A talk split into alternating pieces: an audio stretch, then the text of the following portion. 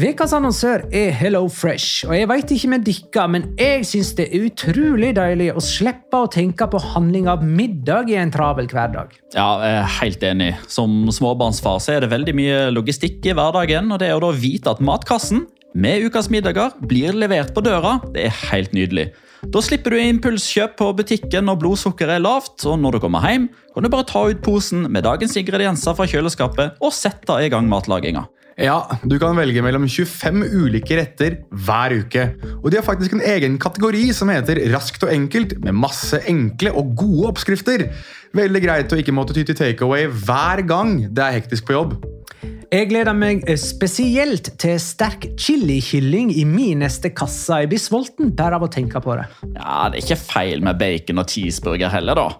Og det som også er bra, er at matkassen koster det samme hver uke, som gjør det enklere å holde matbudsjettet. Ja, og så blir det ikke matsvinn heller, fordi du får akkurat det du trenger til hver eneste rett.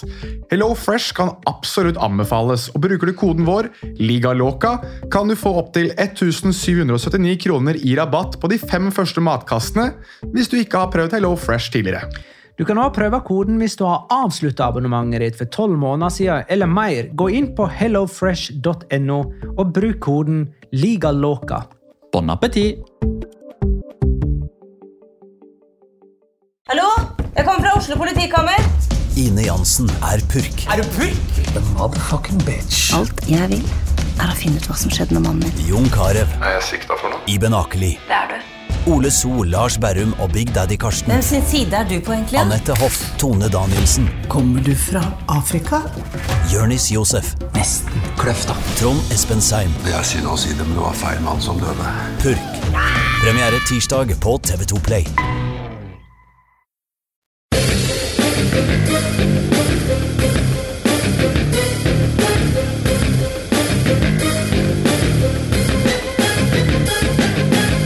Har du sett?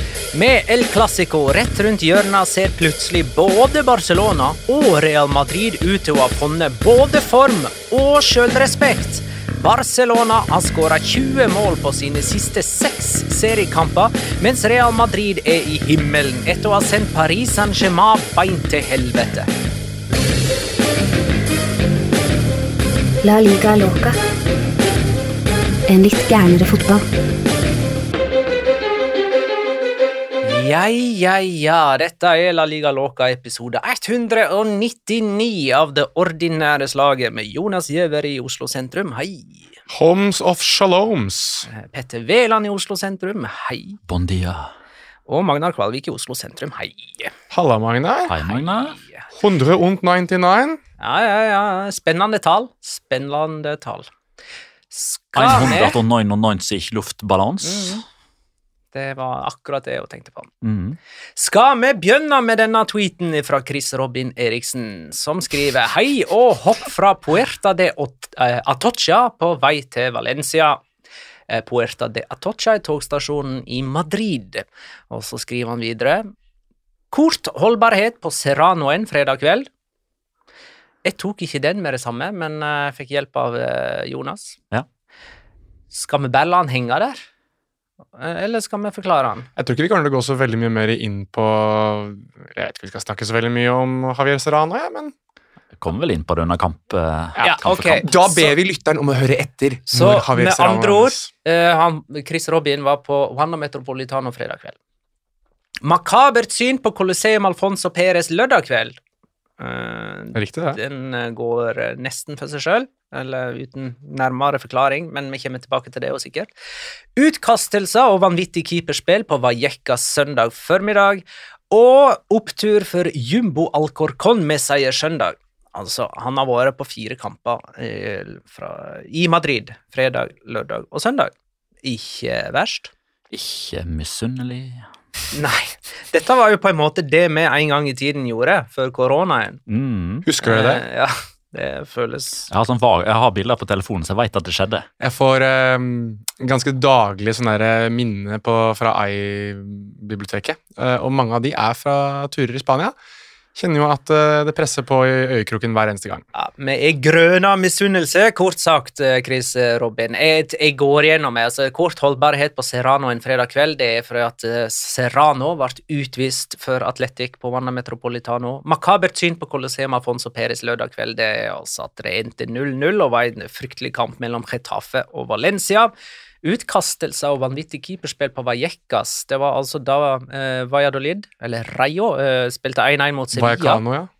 Rayo Vallecano. Jeg sa Valladolid. Du gjorde det. Mm. Rayo Vallecano eh, spilte 1-1 mot Sevilla eh, på eh, Vallecas eh, med godt keeperspill av Dimitrievskij. Utkastelsen veit ikke hva jeg går ut på. Det skrev han vel litt uh, under discorden vår, som du for øvrig får tilgang til på, på patreon.com slash la. For en hundrings, faktisk. Ja. Så får du tilgang der. Det er vel verdt det, for å si det sånn. Ja, Der får Eh, du syke oppdateringer disse dager. Uh, Det var vel en eh, gjeng med dongerikledde Sevilla-supportere som ikke nødvendigvis bare var der for å se på baller, men for å vise de òg. Mm. Ponga huevo. For de som tar det Var det. MMA de kalte seg? MMA Fight Club sto det på T-skjorten deres. Og eh, Altså, jeg hadde løpt, for å si det sånn. Jeg hadde løpt. Ja, men hallo, jeg tenker Hvis du, hvis du er der for å slåss, og du tenker at vi skal prøve å unngå litt oppstyr Du går jo ikke inn 20-30 mann med MMA Fight Club-T-skjorte da. Da har du ikke helt skjønt det, eller? Og så var det altså Chris Robin Eriksen og- og på eh, en sekundekamp da med Alcorcon søndag. Altså, MMA, for jeg trodde det sto for eh, Monir Martial Acuña. At det bare var liksom merkevaren der, jeg. Da var du kjapp, syns jeg. Veldig bra. Ja, faktisk eh, bra å ta de initialene, for å kalle det det. Skal vi, hvis vi skal ta for oss eh, La Liga-runden, da, så har altså ikke Mallorca Real Madrid blitt eh, spilt. Før den kampen har blitt spilt, så er det bare to lag i denne runden som har klart å skåre mer enn ett mål. Ja, Naken runde. Det var det. Skal ikke si hvem det er? Som skulle klare å skåre mer enn to mål. Mm. Barcelona. Barcelona er det ene. Nei, mer enn ett mål. Ja, og Atletico. Ja. Yes. Ja. Atletico og Barcelona. Eneste to lag som skåra mer enn ett mål denne runden. Runde 28 kamp for kamp ser sånn ut. Atletico Cádiz 2-1. Eh, Felix og Rodrigo de Paul skåra for Atletico Madrid. Alvaro Negredo for eh, Cádiz. Det betyr at Atletico beholder fjerdeplassen. De er to poeng over Real Betis, som er nummer fem, om vi kommer tilbake til kampen. Ja, Jeg skal tilbake. Ok, Mm. Levante Español 1-1. Javi Puado sendte Español i ledelsen. Dani Gomez utligna. Og hvorfor fikk ikke Dani Gomez straffe helt på slutten? Nei, spør du meg, så spør jeg deg. Ja, det var straffe. Eh, men dommer dømte altså ikke i utgangspunktet, eh, og han eh, ble vel aldri henvist heller til skjermen. Nei, Nei. han gjorde ikke det. Han gikk i alle fall aldri ut og så på bilden av situasjonen sjøl. Ja, i hvert fall enormt at de klarte å bli Altså, det innhoppet til Dani Gomez var jo, må jo sies å ha vært eh, av de bedre, eller? Det tok ikke mange sekundene fra ballen var i spilt han skåra. Nei, han var jo høyt og lavt, han. Han var jo Altså, ja, hvis vi skal liksom Det har vi egentlig aldri gjort, det skal kanskje ikke begynne med heller, men ti, altså, sesongens innhopp Det her er fall en sterk kandidat. Og så er det òg en sterk eh, kandidat med han eh, apropos innbytter, altså han som kava det til i forbindelse med det baklengsmålet der. Altså, Jeg har jo alltid tenkt at den eh, La Liga-keeperen som kommer til å stå igjen med tristest sånn totalstatistikk i, i La Liga, det er Coque Vegas, og han spilte jo eh, paradoksalt nok, eller ironisk nok, for Levante. Han eh, spilte én La Liga-kamp, eh, da slapp han inn fire mål, og så har han også vært på benken ganske mange, da, og i en av de kampene så klarte han å pådra seg utvisning uten å være på banen, så han hadde fire baklengs og et rødt kort i løpet av hans La Liga-karriere. John Garcia han debuterte mot Elche. Jeg husker han var skyld i et av de to baklengsmålene som gjorde at Espenol tapte kampen. og Så kommer du inn for Diego Lopez her nå, ute og fanger luft og taper poeng for Espanol sin nederlag. Så tre baklengs, to av de på hans kappa i løpet av halvannen kamp. Den er litt lei, den. Eh, Nils Henrik skriver eh, Levante har seks poeng opp til sikker grunn. De ligger altså helt sist. Eh, det gjenstår ti kamper. Levante har to seire, to uavgjort og ett tap på de siste fem. Vil de holde seg oppe? Og ifølge Nils Henrik så er det ingen tvil om at eh, Alessio Lissi har gjort Levante mye bedre enn før jul. Ja, men Det har de. Det, har- de har jo vært mye bedre enn før jul. Det kan vi. De hadde hatt åtte poeng på de siste fem, da. ja, altså det er Og de alt, tok jo ett poeng på de første 23. Ja, hva var det jeg skulle si? Alt er jo bedre, holdt jeg på å si, enn det de holdt på med. Ja. Eller selv om altså, Sankt Javier Pereira altså, Vi må bare huske å takke han for Du bare, du bare venter til neste sesong skal begynne, du, nå sånn at noen kan ansette han et eller annet sted? Men ha, ha, har ikke trua, da?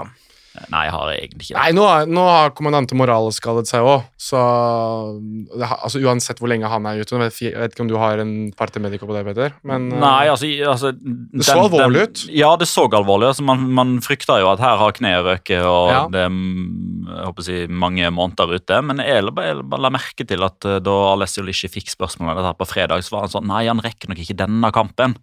Nei. Og Det høres jo ikke så alvorlig ut, for da er han kanskje klar igjen mot Osasona til helga.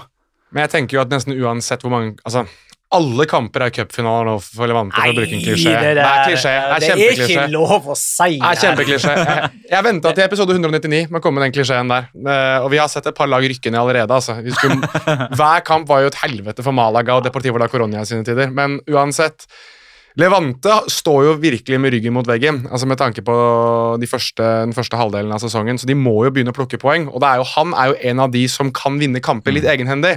Selv om selv om jeg vil bare ha nevnt han også, Jorge de Frutos kommer til å spille i La Liga neste sesong. Oh, ja. Dog ikke Å for. Levante, men Mm. wow! Men uh, altså, jeg tror at hvis vi setter opp en tabell for de siste ti serierundene, altså fra og med den serierunden som kommer, ut sesongen, så tror jeg Levante er kapable til å ta mer poeng enn Alaves, mer poeng enn Cádiz, mer poeng enn Granada, mer poeng enn Mallorca, men jeg tror ikke de tar mange nok poeng mer enn alle de til at de klarer seg. Utgangspunktet er for dårlig. De har en for dårlig start ifra nå av. Men Eh, kan jeg bare få, bare få lagt ved det, eller få skutt inn, for å bruke en, eh, et begrep jeg har brukt en del her? Er Eh, Cádiz, Alaves og Levante er de tre nederste. Er helt greit. Er helt greit. Er, nå må Granada ned, syns jeg. Gikk ned Vi har ikke vært på Nuevo Mirandia eller Ramón de Carranza ennå. Vi kan okay. ikke shippe Cádiz ned før vi har rukket å vært der. Ah, ok, greit. greit. José Luis Morales spilte altså ikke for Levante. Han mista den kampen pga. skade, og det er første gang han mista en kamp pga. skade siden mars 2014. Det er åtte år siden. Han hadde et fravær nå i januar mot Villarreal, men det var pga. covid-19. Eh, og så har, har vi nevnt Alex Contero. Cantero, unnskyld. Han, eh, han har en fin statistikk. Er? Alex Cantero debuterte i La Liga for Levante denne sesongen. Han har spilt 22 La Liga-kamper og har enda ikke vunnet noen av dem. Så én kamp til uten seier, og han har tangert rekorden for å spille flest La Liga-kamper i påvente av sin første seier. Jeg vil bare ha sagt at jeg syns det er helt greit at uh, han fortsetter å tape så lenge Martin Cáceres spiller med nummer syv for uh, Levante. Det irriterer meg. Det ikke for deg greiene Nei, jeg orker ikke. Altså, jeg skjønner altså, Vi har sett veldig mange varianter av spillere som spiller med Levante i Spanjol får for mye tid for av oss nå. Nei, nå må de få litt, rann, i hvert fall Martin Cáceres få litt kjeft for dette med draktnummeret sitt. Altså, Han jeg, hadde ikke noe valg! jeg vet, Petter, men det gjør vondt hver gang. Hver gang!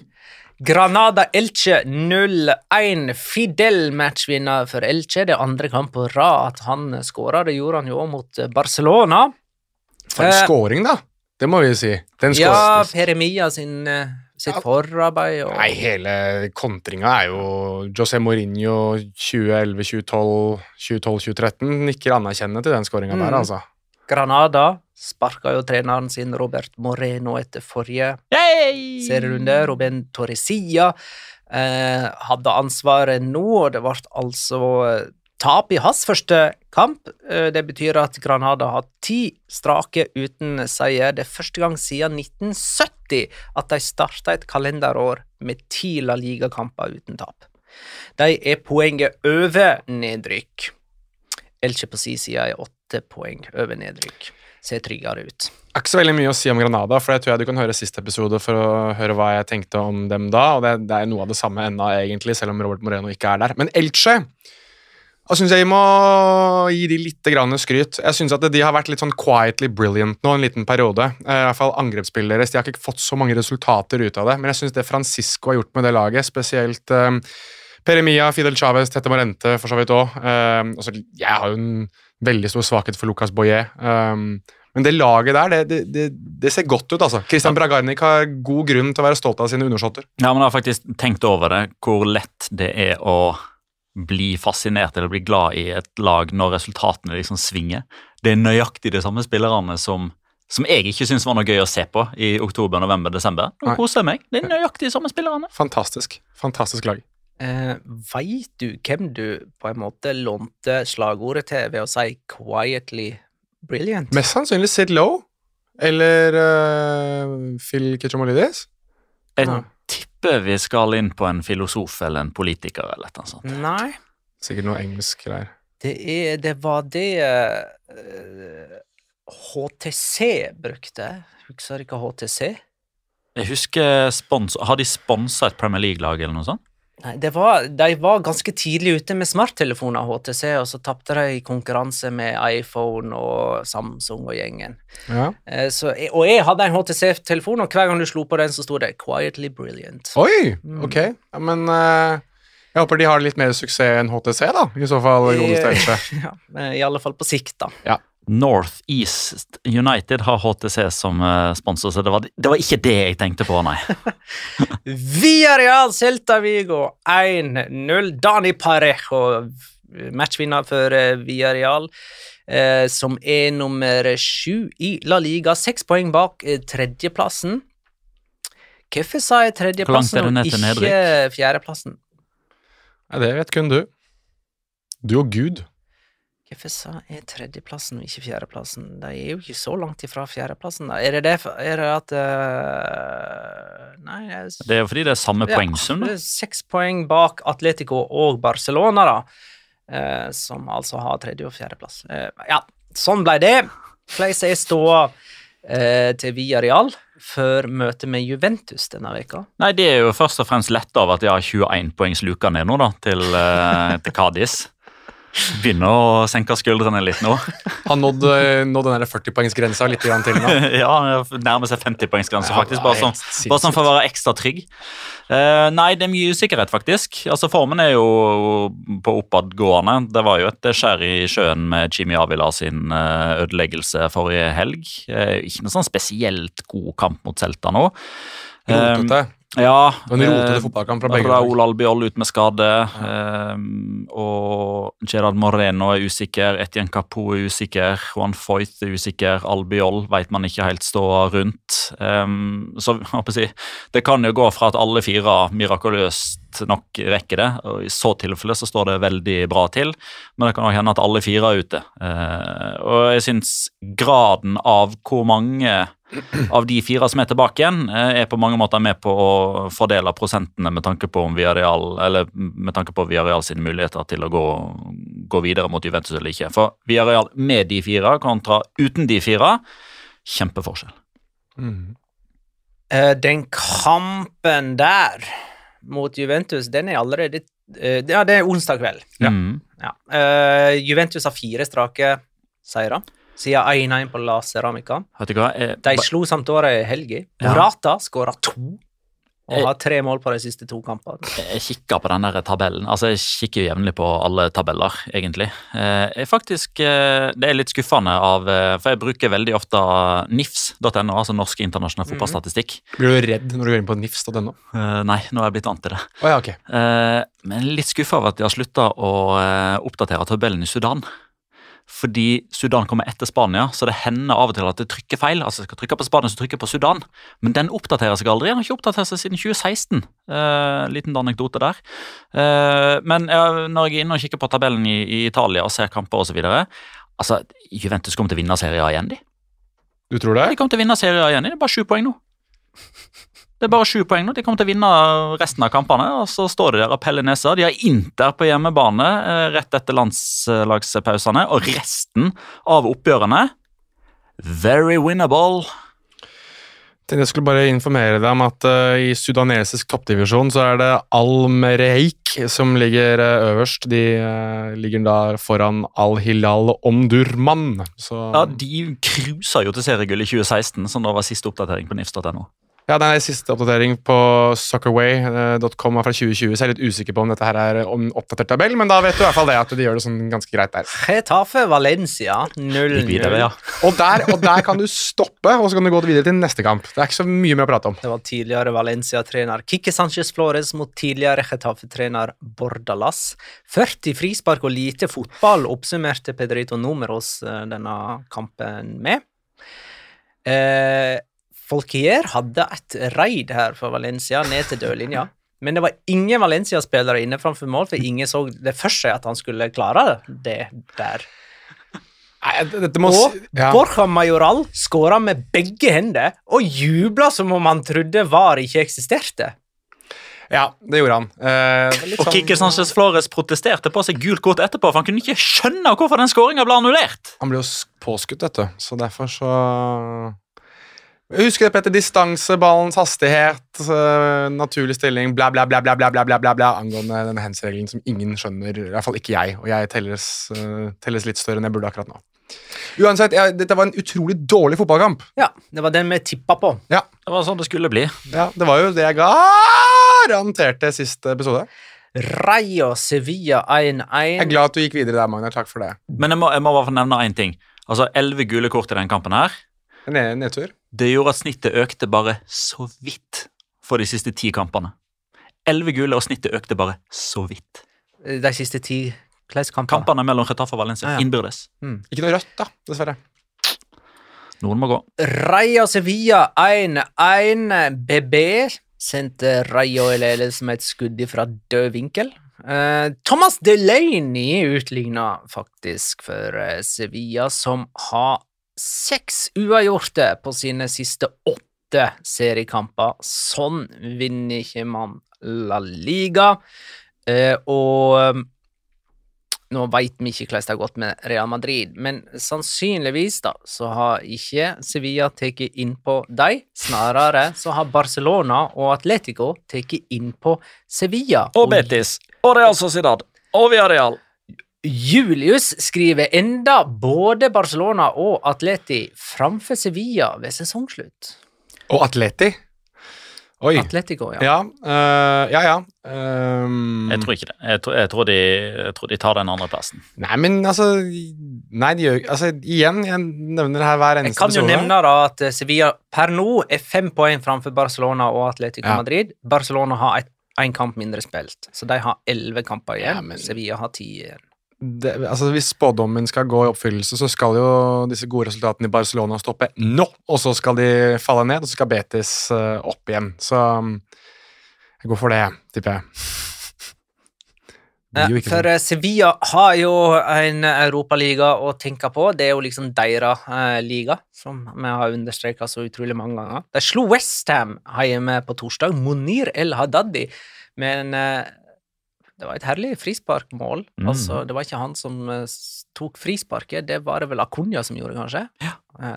til Monir El Hadda. Det er en innøvd eh, variant. Men hva tror du om returoppgjøret der, da? Nei, altså, De er jo så på stålet nå. Eh, og det føler jeg har sagt like mange ganger som vi har påpekt at Europaligaen er en turnering de trives i. Eh, altså, altså, altså at, at, eh, eh, Vi har jo sagt mange ganger at de er på felgen, ikke sant? Uh, Ja. Rakitic skulle jo egentlig starta kampen, men ble Ja. under oppvarming, og da, da har du på en måte allerede ei liste som, av, av fravær som er så lang at man ikke skulle tro det var mulig at det kunne fylles på ytterligere. Nei, det er nettopp det. Og, og i denne søndagskampen her, da, så da har du fire dager eh, til kampen mot Westham. da. Men altså, Erik Lamela, glem det. Soso, glem det. Karim Rekik har vært ute i en måned, blir neppe klar. Gonzalo Montiel var ute, Diego Carlos var ute, Fernando var ute, og Papo Gomez var, var ute. Altså I tillegg da Ivan Rakitic som røyk på oppvarminga.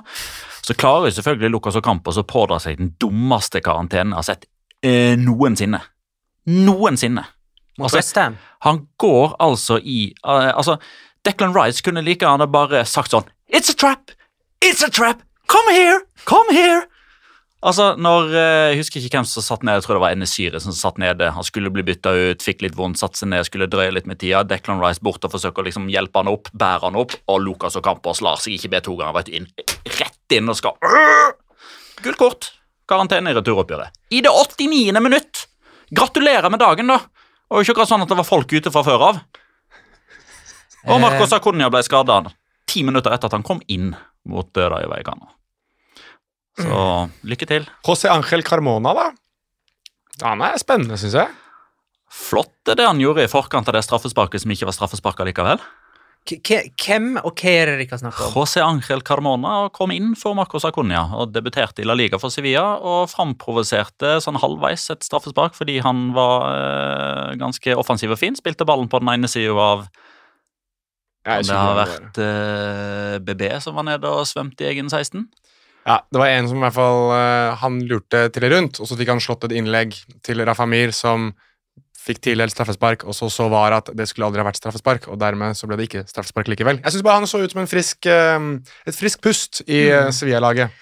Eh, Her mot Rayo så klarte altså Sevilla å komme tilbake etter å ha ligget under, men de er fremdeles ett av fem lag som ikke har klart å snu en La Liga-kamp denne sesongen. Er ikke det litt oppsiktsvekkende for et lag som er nummer to? På én måte, men på en annen måte så er det også fordi de sjelden har fått anledning til det. De skårer svært ofte det første målet sjøl. Riktig. Så Real Betis Atletic Klubb 1-0. Borja Iglesias, eh, matchvinner for eh, Betis. Eh, her eh, fikk eh, Nabil Fikir eh, rødt kort etter å ha blitt hissa opp av eh, Iker Monjain, kan man jo si. Fikir har Dette har vi jo vært inne på før. Sier Fikir nå? Fekir. Fikir. Motherfaker. Fikir han fikk i den- realiteten. ja. Fikir er den som får flest frispark i eh, La Liga.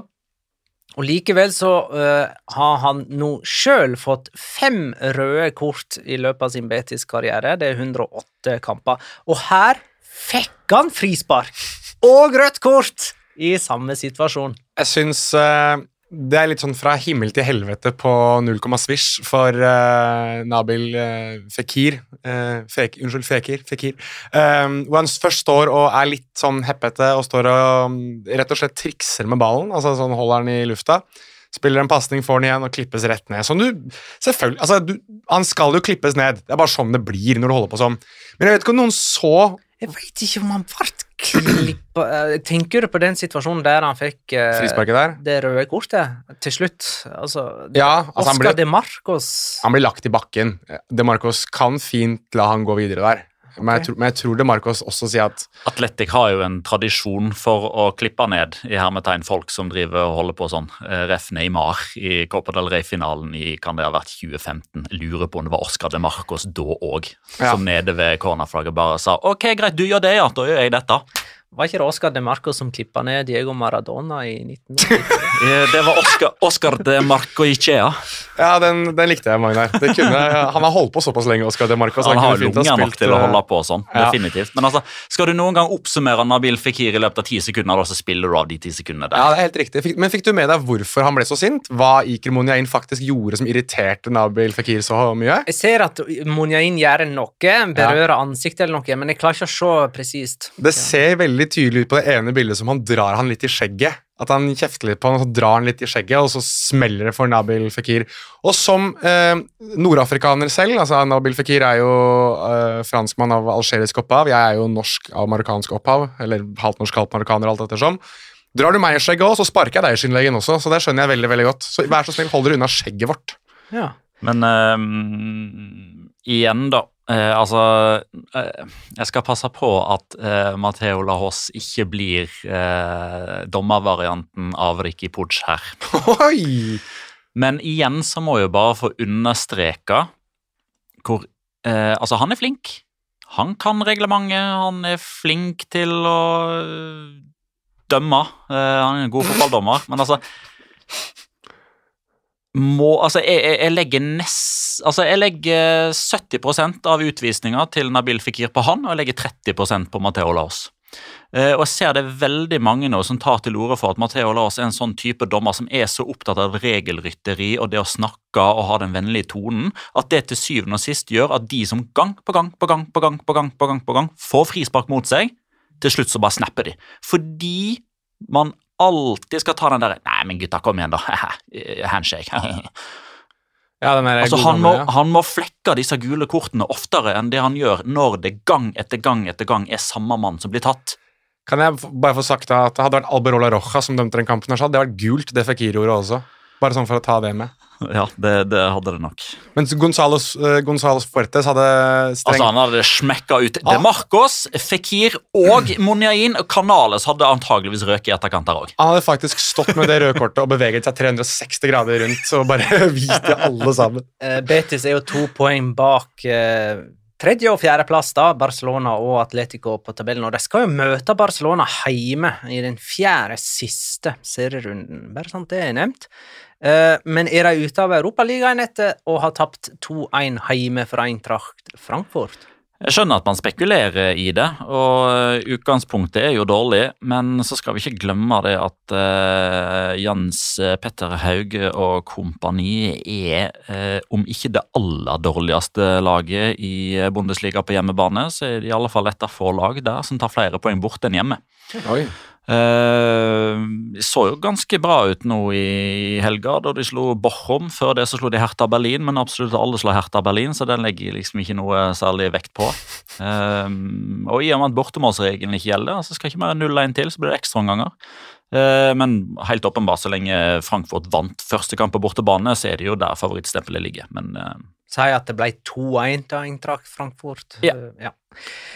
Eh, kan jo nevne at Atletic har tapt fire strake bortekamper for første gang på fire år, og så er vi ferdige der. Kan jeg si, kan jeg si en ting om, om Atletic Club sin statistikk, som jeg syns er litt gøy? Ettersom vi er jo inne på det at de, de er jo programforplikta til å ende på eh, tiendeplass. Jeg syns det, er litt, eh, syns det er litt gøy når du ser eh, hvor mange kamper er det blitt nå. Skal vi se, Gi meg to sekunder. Skal bare få opp lista her. Her, sånn, ja. Jeg leser opp eh, resultatene på de siste 1, 2, 3, 4, 5 Nei, skal vi se Seks kampene til Atletic Athletic Club. Seier, tap, seier, tap, seier, tap. Så hvis du sitter og tipper nå, kjære lytter, de neste kamp er hjemme mot Chetafe, Getafe, der vinner de. For dette her skal pågå helt til serieslutt, og så skal de ende på tiendeplass med null i målforskjell. Altså, de skal eh, overta det eh, Real Sociedad gjør nå. De har vel også null i målforskjell, tror jeg. Real Sociedad Alaves. Speaking of the devil. Eh, Et uh, basketderby. Subimendi, matchvinner for Real Sociedad, som vant 1-0. Eh, Det var Subimendi sitt første primæramål i hans 67. kamp. 10 av 14 oppgjør på Anoeta har vært målløse til pause. 10 av 14. Eh, ganske stor den Sørloth-sjansen, da. To begge sjansene hans, vel? Hadde han store. to store? Hadde en- hadde en alene med keeper. Å ja. Jeg tenkte på den der han hedda i stolpen, og ballen nesten var over streken, min. bare nesten. Jeg- Den også var stor. syns uh, Altså, jeg Alaves gidder jeg ikke å ta en gang til, men, men jeg Altså, den store skuffelsen for meg denne sesongen er Real Sociedad, altså. På bakgrunn av den troppen de har. At de får ikke Altså, Martin Subimendi på en dødball, liksom. Det er De har skåra 29 mål og tatt 47 poeng. Uh, og nå er de jo da mer effektive i så måte enn noen andre lag i jeg hadde nær sagt hele verden.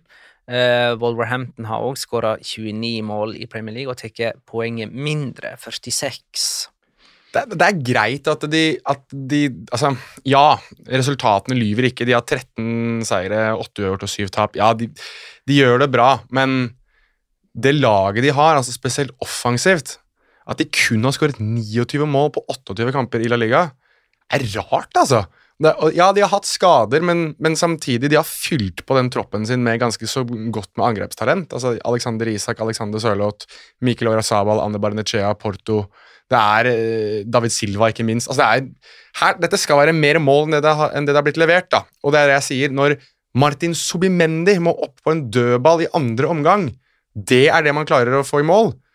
Da er jeg liksom litt på det at Jeg sier ikke at man skal tuppe Alguacil ut med en eneste gang. Jeg vet at Petter kanskje mener det, men Nei, nei, nei. nei. du har vel sagt at eh, Nei, du har sagt at Marcelino er inne i sin siste sesong, har du sagt. Mm. Det er jo den den andre baskiske klubben. Um, eller en av de andre. Um, men, jeg men, jeg mener jo da uansett at uh, det er et eller annet som ikke stemmer, da. Uh, jeg vet ikke om Al-Ghazil er den som skal få det til å stemme igjen, men, men jeg syns bare det er veldig rart å se et lag med så åpenbart stort offensivt potensial som ikke klarer å få ut noen ting av det. Da er det jo greit at de holder stand bakover, da.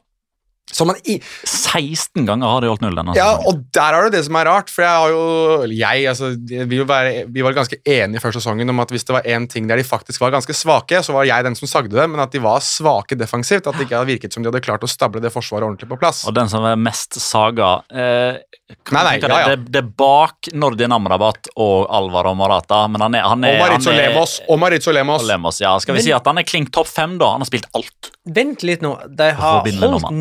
Nullen 16 ganger i La Liga. Ja, ja. Det vil si at de har sluppet inn i 12 kamper. Og det har blitt 29. At de har sluppet inn 29 Ja. mål på de 12 Ja, kampene det sa, det, sa, det sa vi jo sist. Ja. Enten eller. Når de først slipper inn, så er det bare ok, syndefloden, vær så god. Barcelona Osasuna 4-0 Ferran Torres med to mål, Aubameyang med ett, og Ricky Pudge av alle Til og med! mål. Eh, På han òg. Eh, kommer tilbake til det. Mallorca Real Madrid blir altså spilt mandag kveld klokka 21, og nå sitter vi i studio klokka 17.51 den samme mandagen, så vi aner ikke hvordan det har gått. Skal vi likevel snakke litt om Real Madrid som snudde det mot Paris Saint-Germain i eh, midtveka som var i eh, Champions League? Hat trick av Benzema. Big game Karim. Ja. Eh, En ting vi snakka om før den kampen, var jo hvorvidt eh, Real Madrid var bedre med eller uten Cross, og vi fikk jo svaret i denne kampen. De lå under 1-0 da Cross ble bytta ut, og så vant de 3-0 etter det.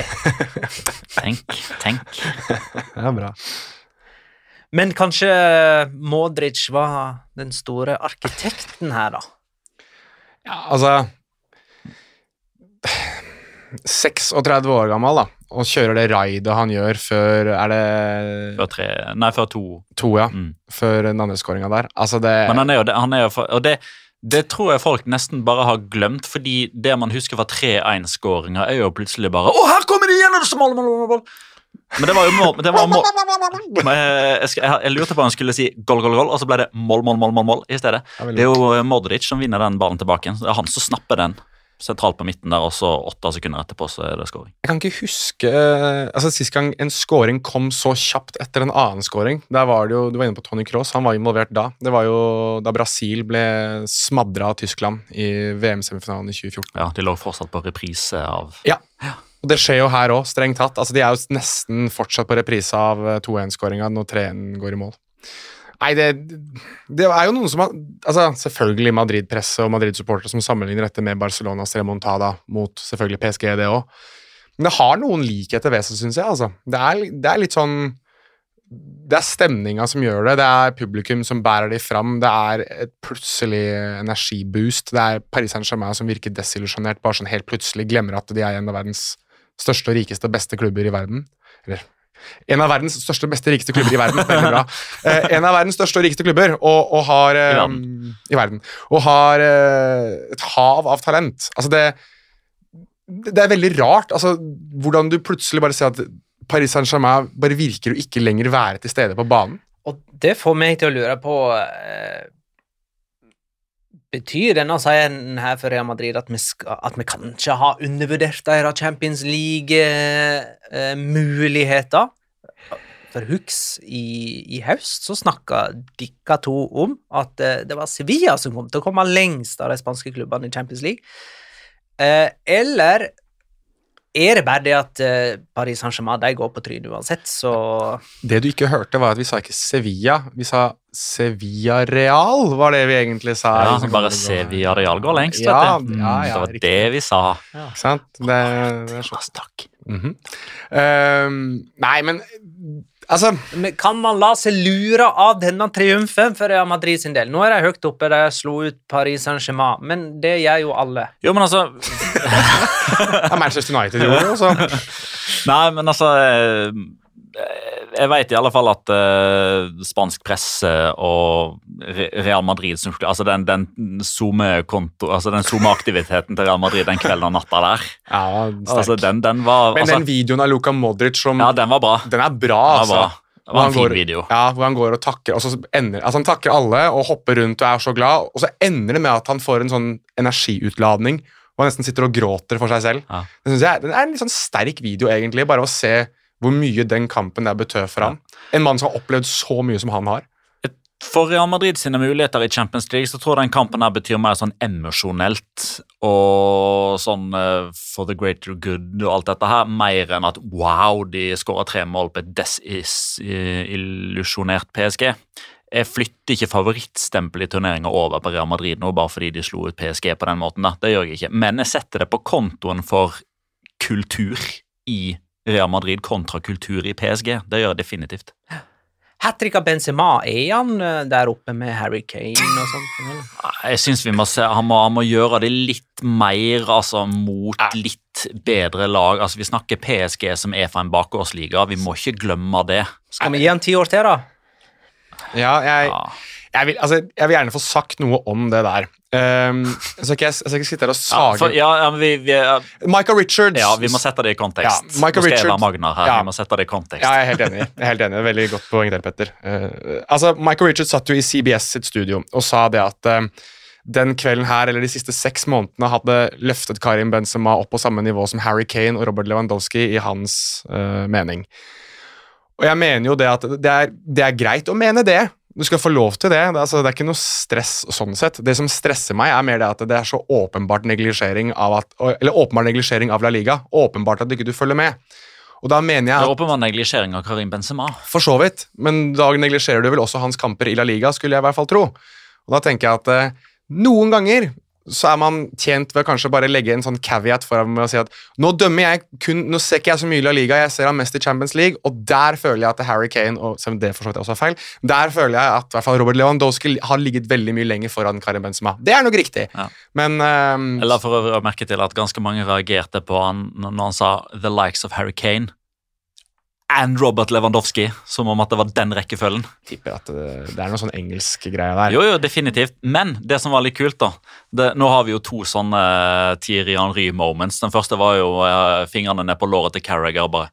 Det er sånn. Nå har vi jo den derre Ja, du med meg? Stirrer ned Michael Ridgers. Altså, ja, jeg tenker å si så veldig mye om det. det. satt jo andre folk i det studioet som òg så rart på eh, Michael Richards. Det var for øvrig Jamie Carragher som satt så. Ehm, men det er greit. Eh, jeg hadde nær sagt Real Madrid sin neste La Liga-motstander er Barcelona, men det stemmer jo ikke, for de møter altså Mallorca. Men eh, deretter eh, er det Barcelona som altså slo Osasona 4-0 på kamp nå. Jeg nevnte det i introen at Barcelona har skåra 20 mål på de siste seks kampene. Eh, de skåra 32 mål på de første 21. Bare ta en veldig kjapp ting, for så jeg ikke glemmer det. For jeg har sittet og tenkt litt på det nå, at De burde egentlig tatt det helt i starten. Du nevnte jo El Clásico, som vi skal se sammen på, på ball i Oslo. Mm -hmm. Det var noen som stilte spørsmål om dette med aldersgrense. Det må jeg bare få lagt det med en gang, så jeg husker det. så lytterne får det med seg. Det er 20 års aldersgrense på ball. Så hvis du er under 20, så tror jeg dessverre ikke du kommer inn. Bare sånn at det er lagt ved. Er det noen begrensninger på antall òg, eller?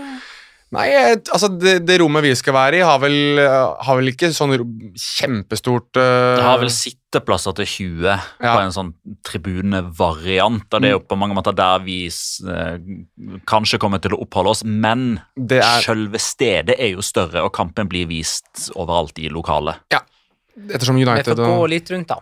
Det skal vi gjøre. Ja, altså, men så Liverpool sin kamp eh, må jo bli ferdig spilt. da. Altså Blir det ekstraomganger der, så får man jo tro at uh, den prioriteres. Uh, men ikke i rommet som vi har. Der blir Der det er- garantert El Clásico. Det er garantert et klassisk. Og kontekst her igjen, da, er jo at vi er på ball i Oslo og ser El Clásico søndag kveld fra klokka 20. Selv avspark klokka 21. Ja. Bli med hvis du kan eller vil, Og er gammel nok. er gammel nok og at det er Og er frisk.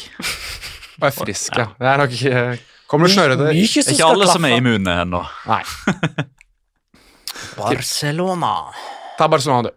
Mhm. Skal ikke vitse noe mer om det.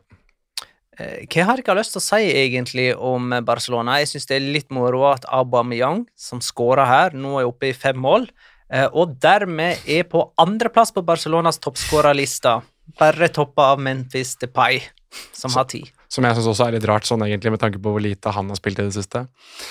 Nei, Barcelona De imponerer meg virkelig, altså. Jeg eh, ta meg selv i Altså, den derre summinga på kamp nå har alltid irritert meg noe jævlig. Altså, det, det er ikke noen ordentlig publikumsstemning. Der har Real Madrid blitt veldig mye bedre med årene. det må jeg få sagt. Altså, Supporterne til Real Madrid er mye mer livvatt enn det de kanskje var en gang i tiden. Barcelona sliter litt mer med det, syns jeg. Synes Det er mer sånn summing som tydelig sånn uh, Folk som sitter og prater kanskje om andre ting enn fotballkampen, og så lar de seg blende av at det blir en scoring, f.eks. Um, men den summinga er også det som gjør Kamp nå til Kamp nå. Altså det, er, det, det, det, minner meg litt om glansdagene, hvor det da var kanskje en dragning eller en luke, og så hører du Åh! fra hele publikum, uh, publikumsmassen. Uh, det er litt den der fair-factoren som, som, Barcelona har vært kjent for. Den begynner jeg å liksom se noe av konturene igjen av, uh, om selvfølgelig uten Lionel Messi, men det er litt den følelsen av at Barcelona er tilbake. Og det er litt gøy, da.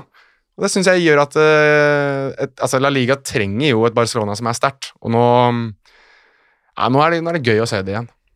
Uh, Piquet runder 600 offisielle kamper for Barcelona og er på femteplass på Barcelonas all time-liste. Og de seks spillerne som har flest kamper for klubben gjennom historien, er alle La Masia-produkt. Det er Messi, Xavi, Iniesta, Busquets, Piquet og Piol.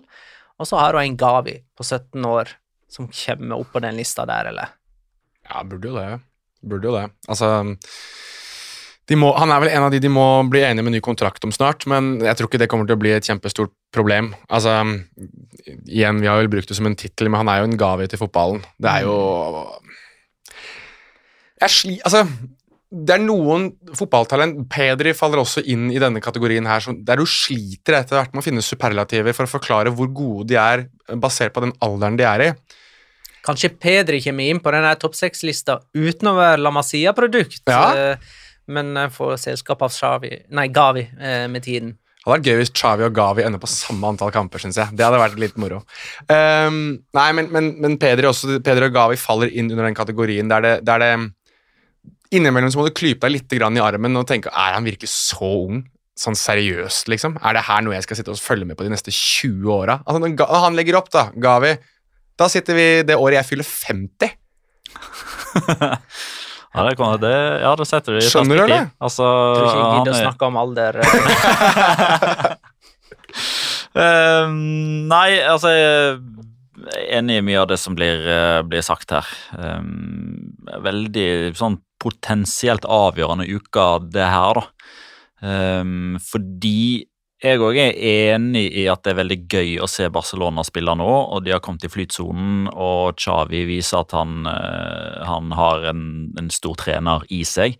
Fordi man spiller jo altså Akkurat den hjemmekampen mot Osasona, så, så, sitter man jo sikkert igjen med tanken om at ja, det, dette her er liksom Barcelona. men Altså, Måten de spilte på, iallfall bort mot Napoli og mot Atletic, til dels og mot Atletico Madrid, var jo disse hurtige overgangene, altså transisjonen fra forsvar til angrep etter gjenvinning, som egentlig ikke er den type fotballen Xavi står for, sånn ideelt sett i hans hode, men det er den fotballen han praktiserer nå, basert på det spillermaterialet han har. Så jeg synes han har vært veldig flink til å vise eh, variasjon i måten Barcelona spiller fotball på, som gjør at de kanskje blir litt mer vanskelig å lese. Motstanderen vet ikke nødvendigvis helt hva som kommer. Men jeg er litt spent på å se hva som skjer når den første nedturen kommer igjen nå. Når man da igjen kanskje får litt høye skuldre, man kommer inn og tenker i litt negative baner igjen. Fordi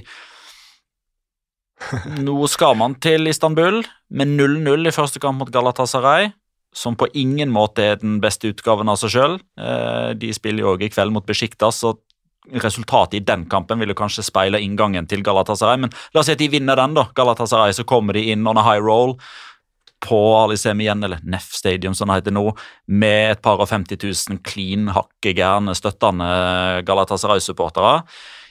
La oss si at de ryker der, og så er det Classico neste så taper de kanskje der òg. Altså, da er den mentale ballen i gang med å rulle litt igjen. fordi når man først er inne i den flytsonen, så går alt riktig. Da skårer Aubameyang, og da sitter overstegsfintene til Dembélé, og da holder muskelfibrene til Dembélé.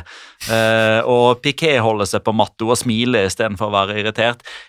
Jeg lar meg begeistre veldig av måten Barcelona spiller på nå. Jeg lar meg imponere av Xavi, men jeg er spent på hva som skjer hvis det kommer en nedtur her nå. Mm. Eh, forrige gang eh, Barcelona og Real Madrid møttes, var i oktober på kamp. Nå Da vant Real Madrid med 2-1. Eh, noe som husker hvordan det gikk for seg. Alaba og Lucas Vasques skåra for eh, Real Madrid. Eh, og så var det for Barcelona Hvem som skårer for Barcelona? Ja, i Luke de Jong, eller? Hæ? Luke de Jong? Nei. Nei? Nei, det var Sergio Aguero. Ja! Ja, det var Han, jo han ja. er historie. Var- Så lenge siden er det! Wow! Ja, der, eh, der Luke de Jong skåra i eh, supercupen. da. Ja, det er der han Aguero- Var det hans Ja, eneste dette var scoring? sist gang de møttes i uh, I La Liga. La Liga. Var det hans eneste scoring for Barcelona for øvrig? Tror det var eneste scoringa Aguera fikk for Barcelona. Altså. Ja, Han har 100% målrate i El Clásico. Han er vel den som har den der statistikken fra skåret i Madrid-derby, Manchester-derby og El Clásico. Jeg tror han har alle de. Han skåra for Atletico Madrid mot Real Madrid òg. Eh, Felipe Coutinho spilte òg eh, for Barcelona den eh, kvelden. Kan Martin Brathwaite ha spilt han òg, eller? Eh, det, la meg se. Nei, han Nei, det var ikke så sjukt. Det var ikke så Han var, dessverre- han var skada, han. Han hadde jo spilt hvis han var Ja, ja. de- Altså Serginio Dest starta som høyre ving, husker jeg. Ja, det gjorde han. Det den Ja, ja. Clásico-varianten. Fikk ikke en målgivende, så Ronald Koman visste jo hva han holdt på med. Oscar Mingueza var han sikkert òg, eller? Det var han. Han var høyrebekken. Ja, der ser du. Et ord eller to om uh, Osman Dembélé, eller? Ja, jeg syns han er kjempegod ennå. Altså, skikkelig gøy å se på. Ja, Du skulle nesten tro at han er på utgående kontrakt og spiller for at klubber skal kaste Spiller penger etter ham. Ja, jeg skulle nesten tro at han tenkte at eh, hvis han virkelig gjør det bra nå, så er det klubber som har lyst til å legge store penger på bordet for han i sommer, når han ikke har kontrakt med Barcelona lenger. Lurer på hvor jeg får det fra. Eh, når vi sitter i studio, så er det i morgen at Atletico Madrid skal til Old Trafford og møte Manchester United i Champions Leagues åttedelsfinale. Står 1-1 etter første møte der. Eh, Felix skåra tidlig mot eh, United og gjorde det samme mot uh, Cádiz fredag eh, kveld. Få se på deg, Magnar. Kan du bare blunke en gang? Der gikk du glipp av en Joe Felix-skåring. Klaus Hvordan er det? Det var fjerde gangen denne sesongen i La Liga at Chau Felix skåra innen det blir spilt tre minutter av en kamp. Nettopp. Blunker du, går du glipp av det. Og mot United så skåra han jo i det 20. minuttet, så Du rakk, du, det du rakk blunke to ganger. Ja, du rakk to blunk den kampen der. Da har vi liksom den, den omvendte Messi, da. For Messi står jo som regel bare og ser på de første fem-seks eh, minuttene, analyserer litt, og så hugger han til de resterende 85. Joe Felix eh, scorer vel sikkert det passer på at han skårer tidlig nå, slik at han slipper å kritiseres utover i kampen. For da kan man alltid si at selv om han er drit dårlig, så er det sånn Ja, man scora jo tidligere i oppgjøret! Så jeg tror han har funnet Han har hacka systemet litt nå. Ja, han er inne i den gode måneden sin nå, Chau Felix, Ja, ja. så uh, Atletico kan faktisk hoppe på en Felix-skåring på Old Trafford. Du lot en gyllen anledning gå fra deg under ja, Barca-snakket. Under Under Barcelona-snakket. Hva var det jeg Adama Traoré var ikke på banen engang. Festen er over. Ja, da glemte jeg faktisk å ta denne fra Sivert van Morik. Eh, Da er vi tilbake igjen i Barcelona-kampen. Adama Traoré fikk ingen minutt mot Osasona på søndag. Hadde Magna rett i at det er slutt på moroa etter noen få uker, eller la han bare opp til en vanvittig fest på Santiago Bernabeu til helga, med tre målgivende til Luke de Jong? Det er den tiden på måneden for Adama Traoré der han ikke presterer lenger. Så fikk jeg lov til å dra den vitsen. Uh, nei, jeg tror Adama Amatraore har masse i seg, jeg. Men jeg skal gi Magna rett nå at denne uka her har det ikke vært så veldig mye Adama-moro. Det er mulig at han blir prioritert mot Galatasaray og ikke mot eh, Real Madrid. Kan jeg, kan jeg få dra en siste vits på Adama? Adama er inne i den tiden av måneden. Adama er inne. Ja. Ja. Det er greit. Mm. Altså Når du må presisere hva vitsen er. Jeg sa ikke at det var mer enn én av ti, men det var en vits jeg prøvde å jeg, Her prøver jeg å raise the roof med litt humor. Det er episode 199. Skal vi gi Atletico en sjanse eller ikke sjanse til avansement? Jeg tror de går videre, jeg. Ja. Jeg tror de går videre. Jeg tror at uh, Diego Simione var uh, veldig hyggelig eh, i eh, Er det Monday? Bloody Monday heter det vel, dette United.no-programmet som jeg fikk lov til å være gjest i tidligere i dag. Mhm. Der sa jeg det at jeg tror, jeg tror at Diego Simione han går inn på Old Trafford, kommer til å ta seg en lang titt rundt på alle som sitter rundt, og så kommer han til å tenke etterpå at i kveld skal jeg knuse ethvert jævla hjerte her inne. Alle skal gå hjem misfornøyde av meg. Og han skal stå der kledd i helsvart og være Satan selv for Manchester United. Tro du meg. Jeg tror, han, jeg tror, altså jeg tror mannen blir erigert bare av tanken jeg, på det greiene der. Men har jeg glemt at Cristiano Ronaldo skåra hat trick i helga og alltid skåra mot Atletico Madrid? Og han der- spilte vel ikke første kampen, han? Nei. Nei, jo, sant? jo, jo. Jo Kom jo, han inn? Eller var han med fra start? Han var bare elendig. Han var på banen, han var usynlig, men eh, Stemmer! Han spilte faktisk uten å skåre mot Atletico. Ja, Jo, men han, eh, han gjør det jo som re... Altså, han skårer jo aldri på Wanda Metropolitana. Sånn var det. mm. Sånn var det. Mens jeg er inne på det å bli erigert av noe, så blir han erigert av å skåre mot Atletico Madrid. Så Men han skåra på Old Trafford mot Atletico Madrid. Ja, altså Det gjør han. Ja, altså, jeg, kan ikke gå bort fra det jeg sa i desember, om at det er én mann som sender Atletico Madrid ut av Champions League for sjette sesong. Nei, jeg, jeg, men jeg tror at det, kanskje det er her um, Altså sånn uh, bortemålsmessig, da. Altså 2-2 hadde jo uansett sendt Atletico Madrid videre under de gamle reglene òg, men jeg tror at jeg tror at Atletico Madrid får ekstraomganger her, og så tar de United ekstraomgangene. Når, når man må bli litt hardere i, i nøtta, der tror jeg Atletico Madrid er litt Du mer er tilbake på Anfield i den store koronakampen. Ja. Ja, jeg, jeg tror det. Jeg tror det blir en litt sånn type match. Blir det hvor- Marcos Jorente som uh, avgjør? Nei, jeg tipper at det, det blir en annen spiller enn han denne gangen. Men han spiller nok Han er nok en av de som kommer til å kunne fortsatt sprinte i det 117. minuttet. Ja, det tror jeg. du tenker på Morata du nå, men han er ikke der lenger. Nei, jeg tenkte på Reinildo, som for så vidt går under et annet navn i Patrion-episodene våre. Det skal jeg ikke dra her. Nå har det vært litt for mye sexhumor eh, en liten periode, så jeg skal holde det unna. Men uh, jeg tror uh, Jeg tror at Atletico Madrid går videre sånn fra spøk til alvor. Jeg tror faktisk de mobiliserer litt her. Um, Ja. Men, Ja, sånn, det er greit, men uh, altså, forrige gang Diego Simione var i England, så ble det jo furore fordi han ikke takka Klopp for kampen osv. Ja. Um, og det er sikkert en del Manchester United-supportere som ikke nødvendigvis har sånn har Kanskje ikke hatt noen grunn til det, og det kan man jo forstå, til å sette seg inn i hvorfor Diego Simione er som han er. Ja. Tips. Vi er ikke sponsa, men Amazon Prime dokumentaren om, Diego Simione, se den. Altså, bare se den. Jeg tror jeg har hatt noen Amazon-reklamer på tidligere, så jo, vi er faktisk innimellom sponsa av Amazon, altså. Ok, Men vi er ikke det nå. Var ikke det den Rooney Jo, jo, så Ja. eh, Kommer Simione til å springe i garderoben uansett resultat og hva som eh, skjer på Old Trafford? Jeg tipper han kommer til å løpe bort til Cristiano Ronaldo og holde seg for ballene. Ah, ja, riktig. Cristiano Ronaldo sier faktisk det i den dokumentaren, at han elsker sånne typer. Og så refererer han til det der ballegrepet. Ja, Det var mot Juventus. Ronaldo sto og gjorde det samme andre veien. Ja. To, to uker etterpå. Ja. Glad i å ta seg av ballene, gutter. Um, Men da er vi ferdige, da. ja, men kan vi bare få lagt ved det at Med, uh, eh, det- Altså, Angående troppen til Atletico Madrid, den, Ja, har, jo, det. den har jo kommet nå. Uh, vi vet at Carrasco er jo suspendert uh, ettersom han pådro seg direkte rødt ved gruppespillet. Og eh, både Joffrey Condogbia og José Maria Jiménez er begge i troppen til Atletico Madrid. Begge de to hadde jo en ganske stor i hvert fall Condogbia var jo overalt i det første oppgjøret, i hvert fall i den første omgangen. Mm. Så han eh, blir jo ønsket velkommen med åpne armer. Jimenez gikk det også noen gjetord om i spansk presse. Jeg tror det var AS eller Marca som hadde en sak på at han hadde erklært at han skal spille denne kampen. Og det er så Josma Jimenez å melde at den kampen skal jeg spille. Men er det flere som er tilbake? Altså, det var mange som mangla i den uh, første kampen. Kåke, for eksempel. Men Ja, ja. er de bedre uten han nå? Det Ja, jeg, jeg, jeg lurer litt på om uh, Kåke er Atletico Madrids svar på Tony Cross i Real Madrid. Eh, men i en sånn type kamp, der man ikke nødvendigvis må ha den høyoktanvarianten, så tror jeg kan Kåke, da kan Kåke være en fin mann å ha. Ja, enig. Ja ja, vi får se hvordan det går. En ting til. Okay, Aller siste. ferdig, nei. Nei, jeg ville bare For du snakket om United-fans som gjør, gjør seg klare for ting.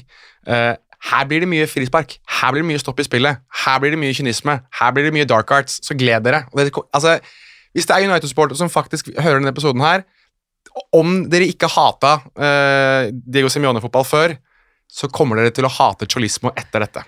Sånn, ferdig. vi nevnte dette med Serrano i forbindelse med Chris Robin Eriksen sin tweet i eh, innledningen her. Havi Serrano fikk altså rødt kort for Atletico Madrid nå mot Cádiz i en alder av 19 år og 54 dager. Det gjør han til den yngste Atletico-spilleren som har fått rødt kort siden Fernando Torres fikk det som 18-åring i 2002, så dette lover jo meget bra. Vi skal kåre rundens spiller og begynne med nummer tre, Jonas.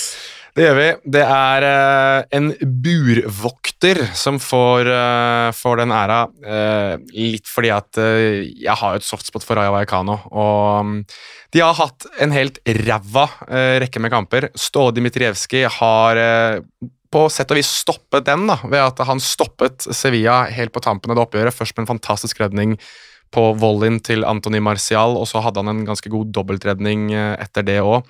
De spilte riktignok uavgjort mot, uh, mot Betis i Copa del Rey, men i La Liga så har de nå gått 1, 2, 3, 4, 5, 6 kamper på rad med tap, før de nå i denne kampen endelig fikk et poeng igjen.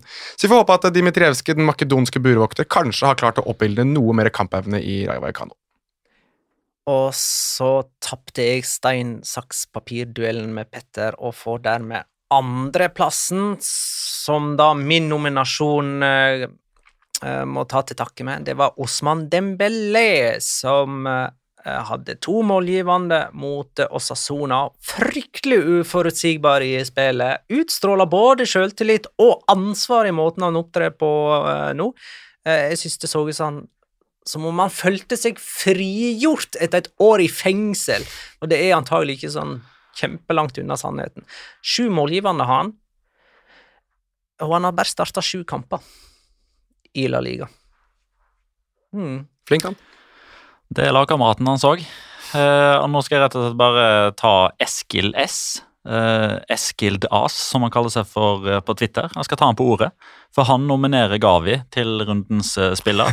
Eh, og det gjør han fordi Football Talent Scout Jacek Kolig kommer med følgende tweet. Gavi mot Osasona. Nå oversetter jeg dette til norsk, obviously.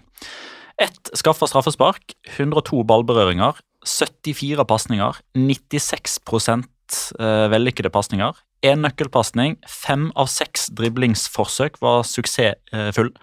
Tre taklinger, fire brudd, ti av 16 dueller vunnet. 17 år gammel. 17! Ikke lov til å kjøre lovlig, han. Meget uh, Han har ikke lov til å kjøre lovlig. Han kan kjøre brannbil. Han kan kjøre brannbil. Mm, Da er det tid for Locora!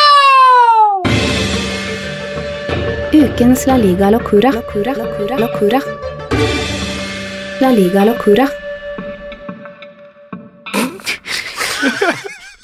Jeg skjønner at ingen har lyst til å kaste seg først på der. Uh, Jeg, jeg kan bare fortsette, jeg. ja, jeg vil ikke fortsette med tanke på locoraen min. Kom igjen. Nei, um, det er faktisk uh, en um, En um, uh, En statistikk som er langt nedover din bane, Jonas. Oi!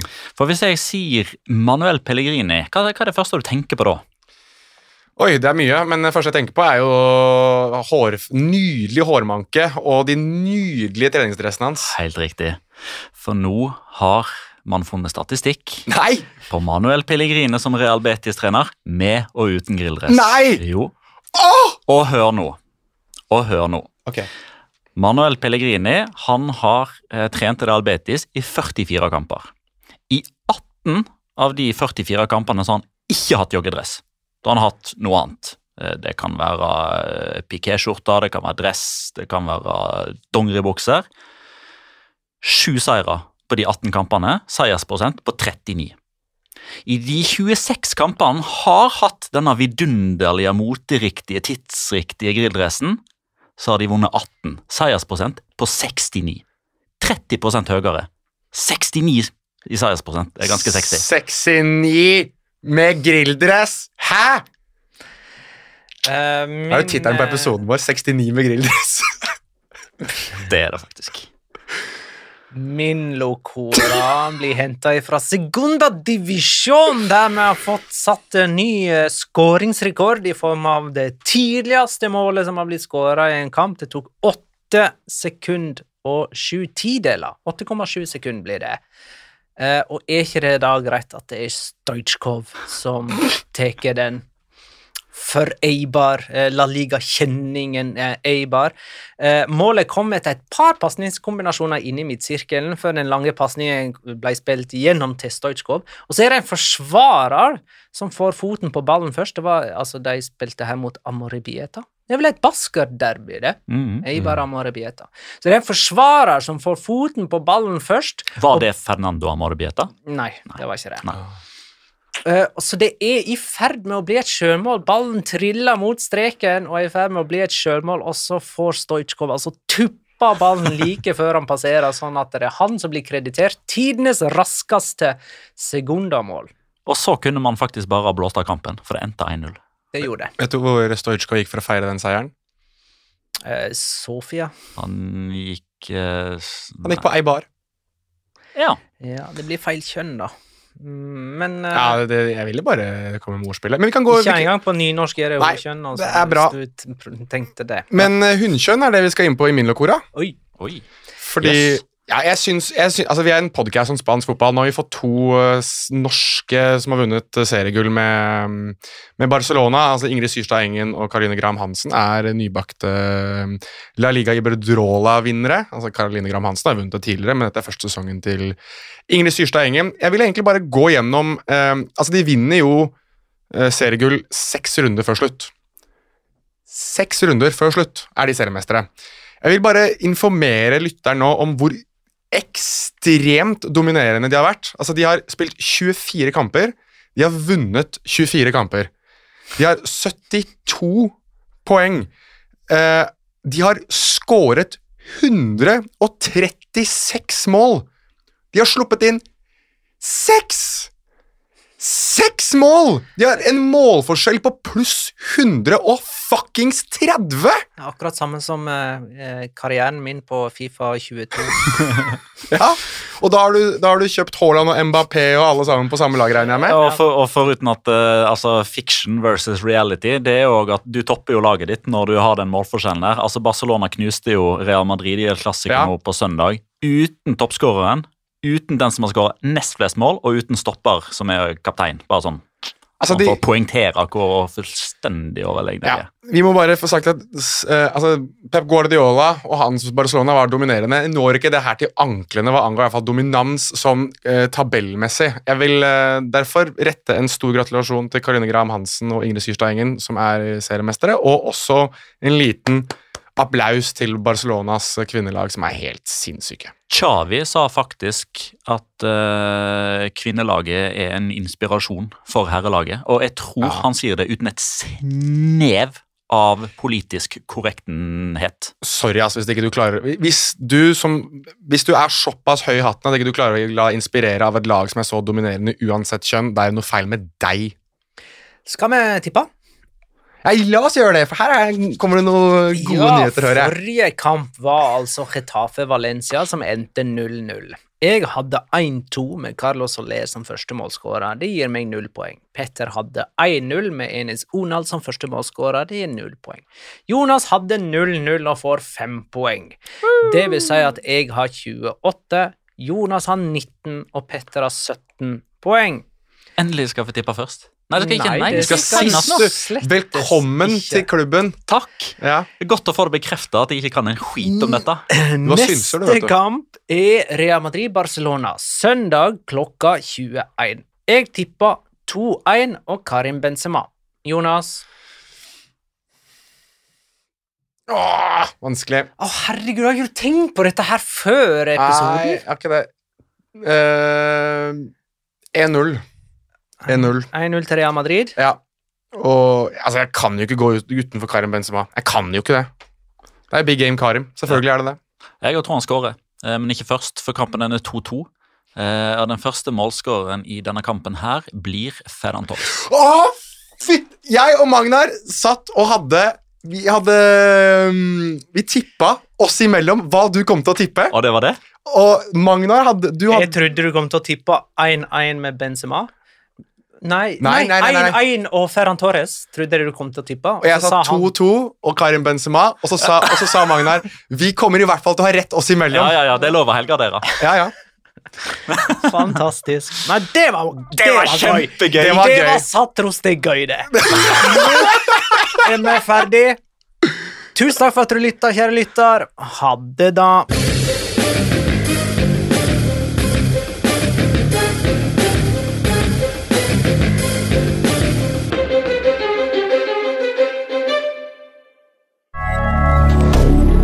Moderne media.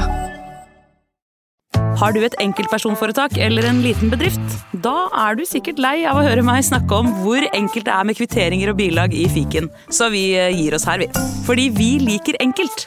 Fiken superenkelt regnskap.